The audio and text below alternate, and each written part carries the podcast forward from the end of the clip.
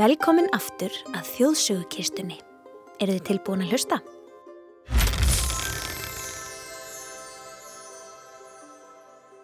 Í dag fáum við þrjár þjóðsögur frá þremur mismunandi löndum. Fyrsta sagan er hérðan frá Íslandi og fjallar um mann sem reyndið að fá sem allra mest í skiptum fyrir gullkamp konu sinnar en tókst ekki alveg nógu vel til. Svo næsta er frá færæjum og segir frá sel sem breytist í konu. Síðasta sagan er frá Brasilju og útskýrir hvers vegna apar elska banana og halda að þeir eigi alla banana í heimi.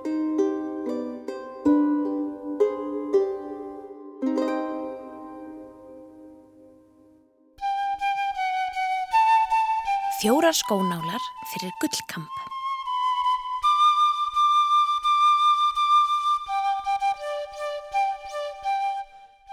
Einu sinni voru Karl og Kerling í koti sínu. Þau voru eðsluklær og gáttu aldrei spara peningin sinn því þau voru alltaf búin að eigða honum um leiðuðu fengan í hendunar. Eitt daginn komist það því að þau höfðu eitt öllum verðmætanum sínum og Karlinn varð mjög leiður við því. Stuttu síðar kláraðist allur maturinn í forðabúrunu og höfðu Karl og Kerling engin verðmæti í skiptum fyrir mataborða. Þá kom konan og huggaði Karlsinn með því að draga fram fallegan gullkamp í hárið sem hún hafið falið. Hún let Karlinn fá kampin og sagði honum að fara á seljan og kaupa svo mat og aðrar vistir. Karlinn fór af stað og gekk þar til hann mætti manni sem leiti kú á eftir sér.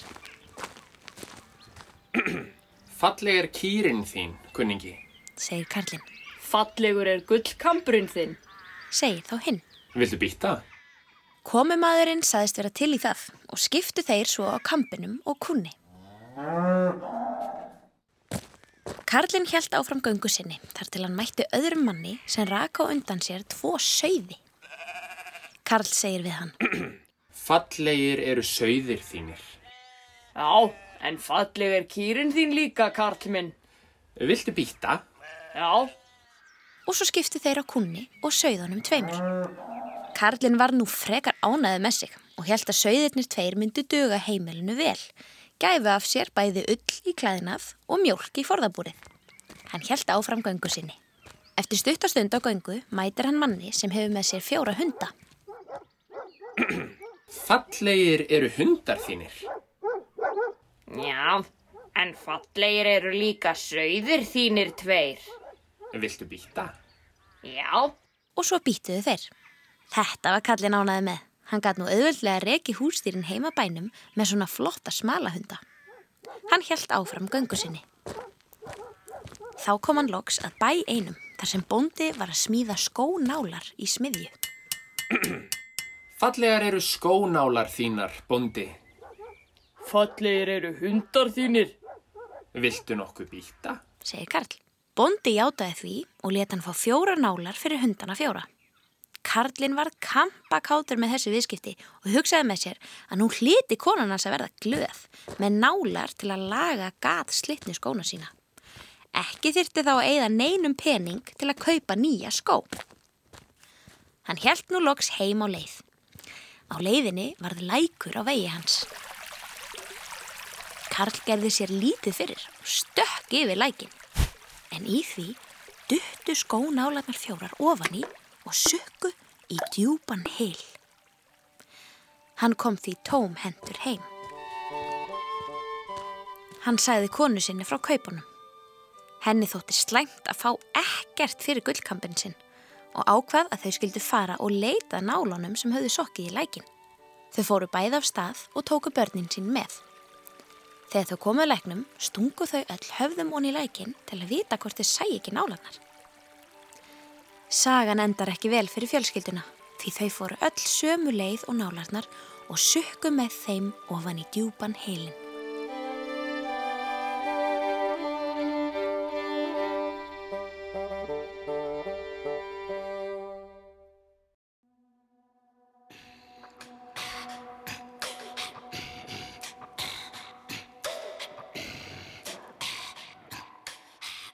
Sela konan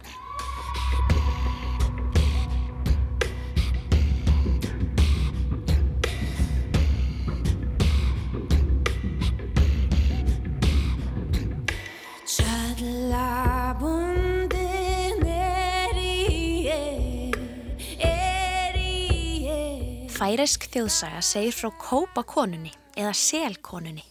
Í þjóðtrú eru selir oft göldróttar verur, jafnvel manneskjur í dýralíkama. Hafið ekki oft séð sel í fjörunni, liggjandi eins og þessi sólbaði eða, eða bara syndandi með kollin upp og horfa á okkur. Sumir trúa því að selir séu manneskjur sem hafi kastað sér í hafið vegna þess að þær vildi ekki lifa lengur. Og einu svona ári á þrettandanum mættu þau klæða sig úr selshamnum, koma upp á land og dansa og skemta sér eins og mannfólk.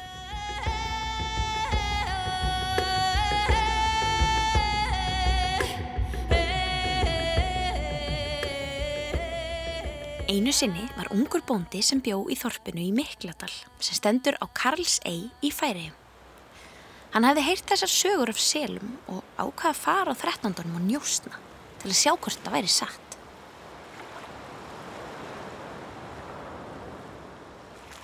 Hann lagðist á ströndina og fylgdist með selunum flikkjast upp á land í hópum. Þeir skriðu upp á ströndina, klættu sig úr skinninu eða selshamnum og lögðu hann vandlega frá sér í fjöruna. Þegar þeir höfðu klætt sig úr selshamnum, litu þeir út alveg eins og vennilegt fólk. Ungi bóndin varð högfangin af einni selastúlkunni og fyldist með þegar hún yfirgaf selshamsinn og fór að dansa.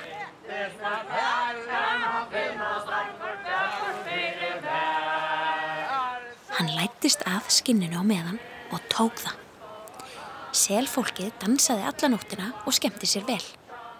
Um leið og sólinn sendi fyrstu geysla sína yfir heiminn kvolvið, sneru þau aftur í fjöruna, klættu sig í og stungu sér sem selir aftur ofan í hafið.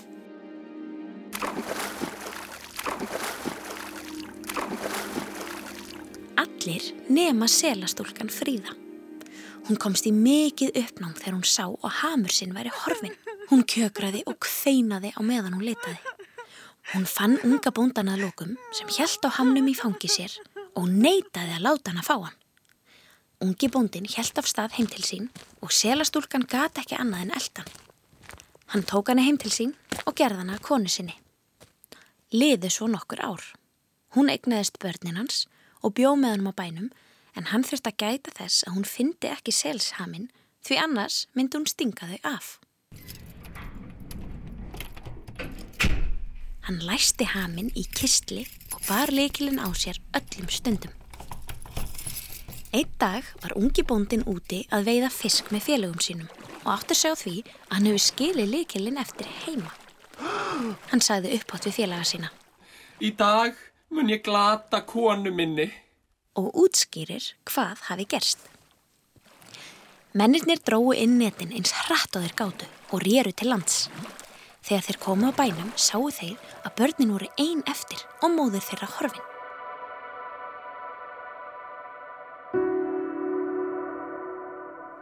Þegar hún hafði fundið likilinn fyrrum daginn hafði hún opnað kistilinn og fundið þar gamla selshaminn sinn. Hún réð sér ekki fyrir spenningi og ákvaða að yfirgefa börnin sín á landi. Henni þótti vænt um þau og til þess að þau myndi ekki verða sér að voða ein eftir í bænum slöktu hún eldin sem logaði í eldhúsinu og læsti alla beittan hnífa niður í skúfu. Að því loknu hljópun ofan í fjöru, klætti sig í haminn og stakk sér til sunds.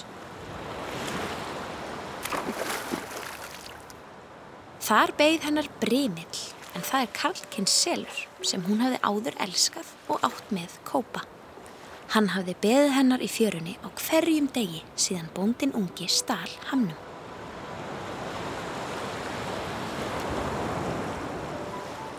Þegar mannabörnin hennar fóru nýra fjörunni sáu þau alltaf sel stinga upp höfðinu skamt frá landi og fylgjast með þeim. Það var móðir þeirra.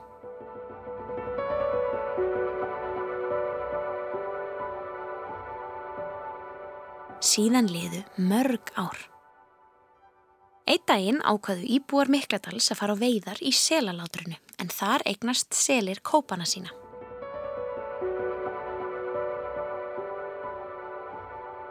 Nóttina áður byrtist selakonan bóndinum í draumi og sagði við hann að ef hann ætla á selaveiðar með hinu mönnunum skildi hann passa að selurinn sem muni liggja við hellisopið verði ekki drepin, því það sé maki hennar. Kópunum tveimur inn í hellunum þyrti líka þyrma því það væri sinir hennar og lísti þeim fyrir honum svo hann myndi þekkja þá. En bóndin ungi var svo reyður henni fyrir að hafa yfirgefið sig að hann ákvað að hunsa þessi skilabóð. Þeir fóru á veiðar og drápu alla seli og kópa sem þeir sáu. Þegar þeir koma aftur heim var bráðinni skipta millir þeirra og bóndin ungi tók bæði breymilinn í heilulægi og reyfana af kópunum tveimur. Um kvöldið sögð hann höfuð breymilsins og reyfa kópana í stórum potti.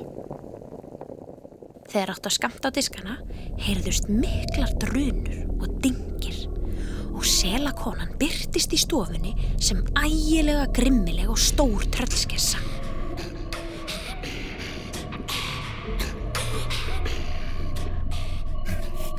Hún þefaði upp úr pottinum og öskraði bölfun.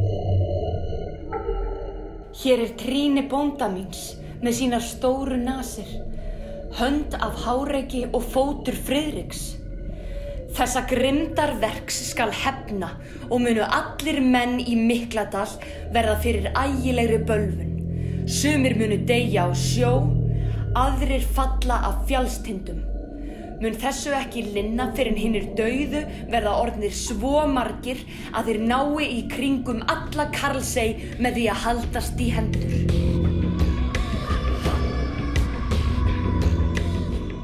Síðan reif hún upp hörðina, strunsaði út og skellti á eftir sér, svo titraði allt og skalf.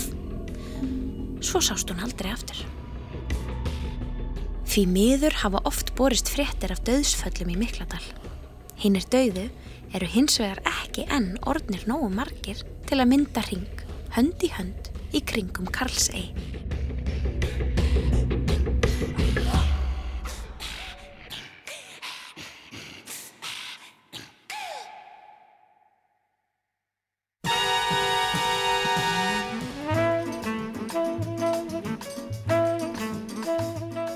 Þegar aparnir eignuðu sér bananan.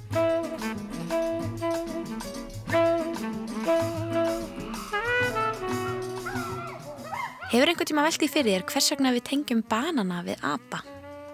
Kanski vissur það ekki, en apar halda að allir bananar heimsins tilheyri þeim.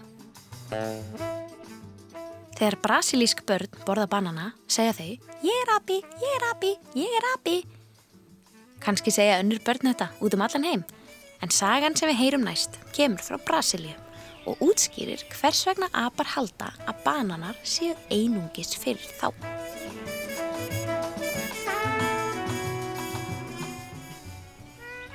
Einu sinni fyrir langa löngu var gömul lágvaksinn kona sem bjó í litlu húsi.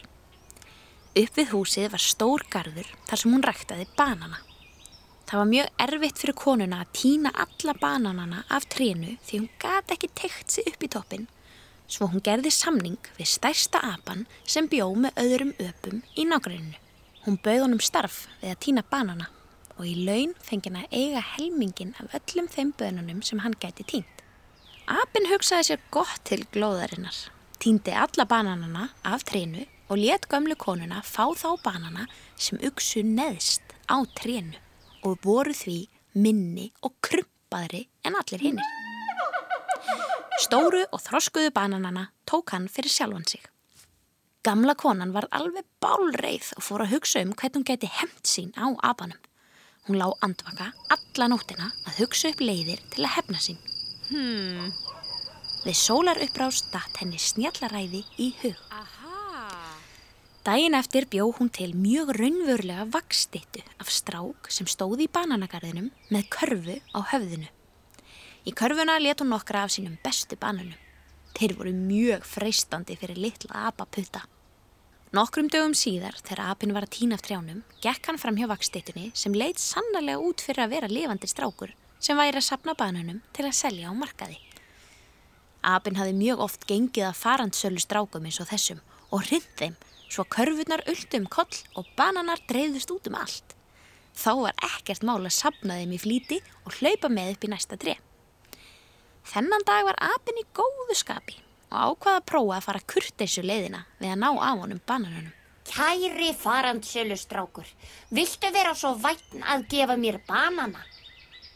Vakstittan sagði ekki orð. Aftur spurði apinn og hækkaði róminn örlítið. Kæri farandsölu strákur, Viltu vera svo vætn að gefa mér banana? Bara einn lítinn vel þroskaðan banana. Og vakstittan sagði ekki orð.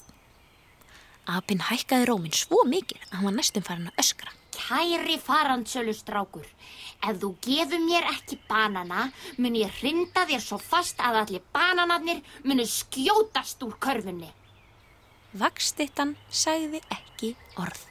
Apinn tók á rás, krefti nefan út í loftið, hljóp á stittuna og kildi eins fast og hann gatt. Höndin hans festist í vaksinu, svo hann gatt hann að hvergi reyft. Kæri farandsölustrákur, viltu sleppa mér? Sleftu höndinni og gefðu mér banana, annars mun ég kýla þig eins fast og ég get með hinni höndinni. Vakstittan slefti ekki höndinni. Apinn kildi þá eins fast og hann gat með hinni höndinni, en aftur festist hann og var þá með báðar hendur fastar. Apinn kallaði þá.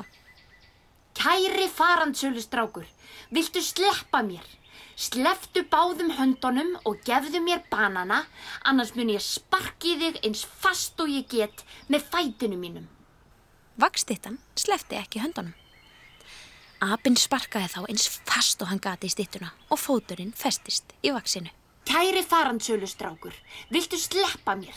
Sleftu báðum höndunum og fætinu mínum og gefðu mér banana, annars mun ég sparka eins fast og ég get í þig með hinum fætinum. Vakstittan slefti kvorki höndunum nýja fætinum. Apinn sparkaði þá með hinum fætinum í stittuna svo fóturinn festist í vaksinu. Kæri farandsölustrákur, viltu sleppa mér? Sleftu báðum höndunum og báðum fótunum og gefðu mér banana, annars mun ég hrinda þér eins fast og ég get með búknum mínum. Vakstittan slefti ekki neinum útlimum. Apinn ítti þá við stittunni eins fast og hann gat með búknum og búkurinn festist allur í vaksinu. Kæri farandsölustrákur, viltu sleppa mér? Sleftu báðum höndunum, báðum fótunum og búknum mínum og gefðu mér banana, annars kalla ég í alla hina apana til að hjálpa mér að hrinda þér. Vakstittan slefti ekki neinum líkamsluta. Þá öskraði apinn eins hátt og hann gat svo hundruðir annara apa flyktust að bananakrinum úr öllum áttum. Stórir apar og litlir apar og miðlungsapar. Heill apa her kom stærsta apanum til bjargar. Það var langminnsti apinn sem fekk snjalla hugmynd um hvernig væri hægt að losa stóra apan úr vaksinu. Aparnir átt að klifra upp í stærsta treð og stapla sér ún á hvorn annan og búa til apapíramíta. Sá api sem gætt öskrað hæst átt að koma sér fyrir á toppi apapíramítans og reyna að ná aðtegli sólarinnar. Hann ætti svo að byggja hann að koma þeim til aðstóðar. Og þetta var nákvæmlega það sem aparnir gerðu. Sólinn kom um leið og hún heyrði í háværasta aparum. Hún beindi sterkustu gesslum sínum að vaksinu og eftir smástund fór vakstittan að bráðuna. Apinn gatt losað eina hönd. Sólinn sendi enn sterkari gessla niður til jærðar og apinn gatt losað heina höndina. Síðan gatt hann losað annan fótinn og svo hinn og að lokum allan búkinn. Loks var hann laus. Þegar gamla lágvaksna konan sá hvað hafi gerst, misti hún allan áhuga á því að rækta banana. Hún ákvað að flytja hínum einu hnöttin þar sem hún hóf að rækta kálbögla í staðin fyrir banana. Aparnir eignuðust bananagarðin og upp frá þeim degi hafa apar haldið því fram að þeir eigi alla banana heimsins.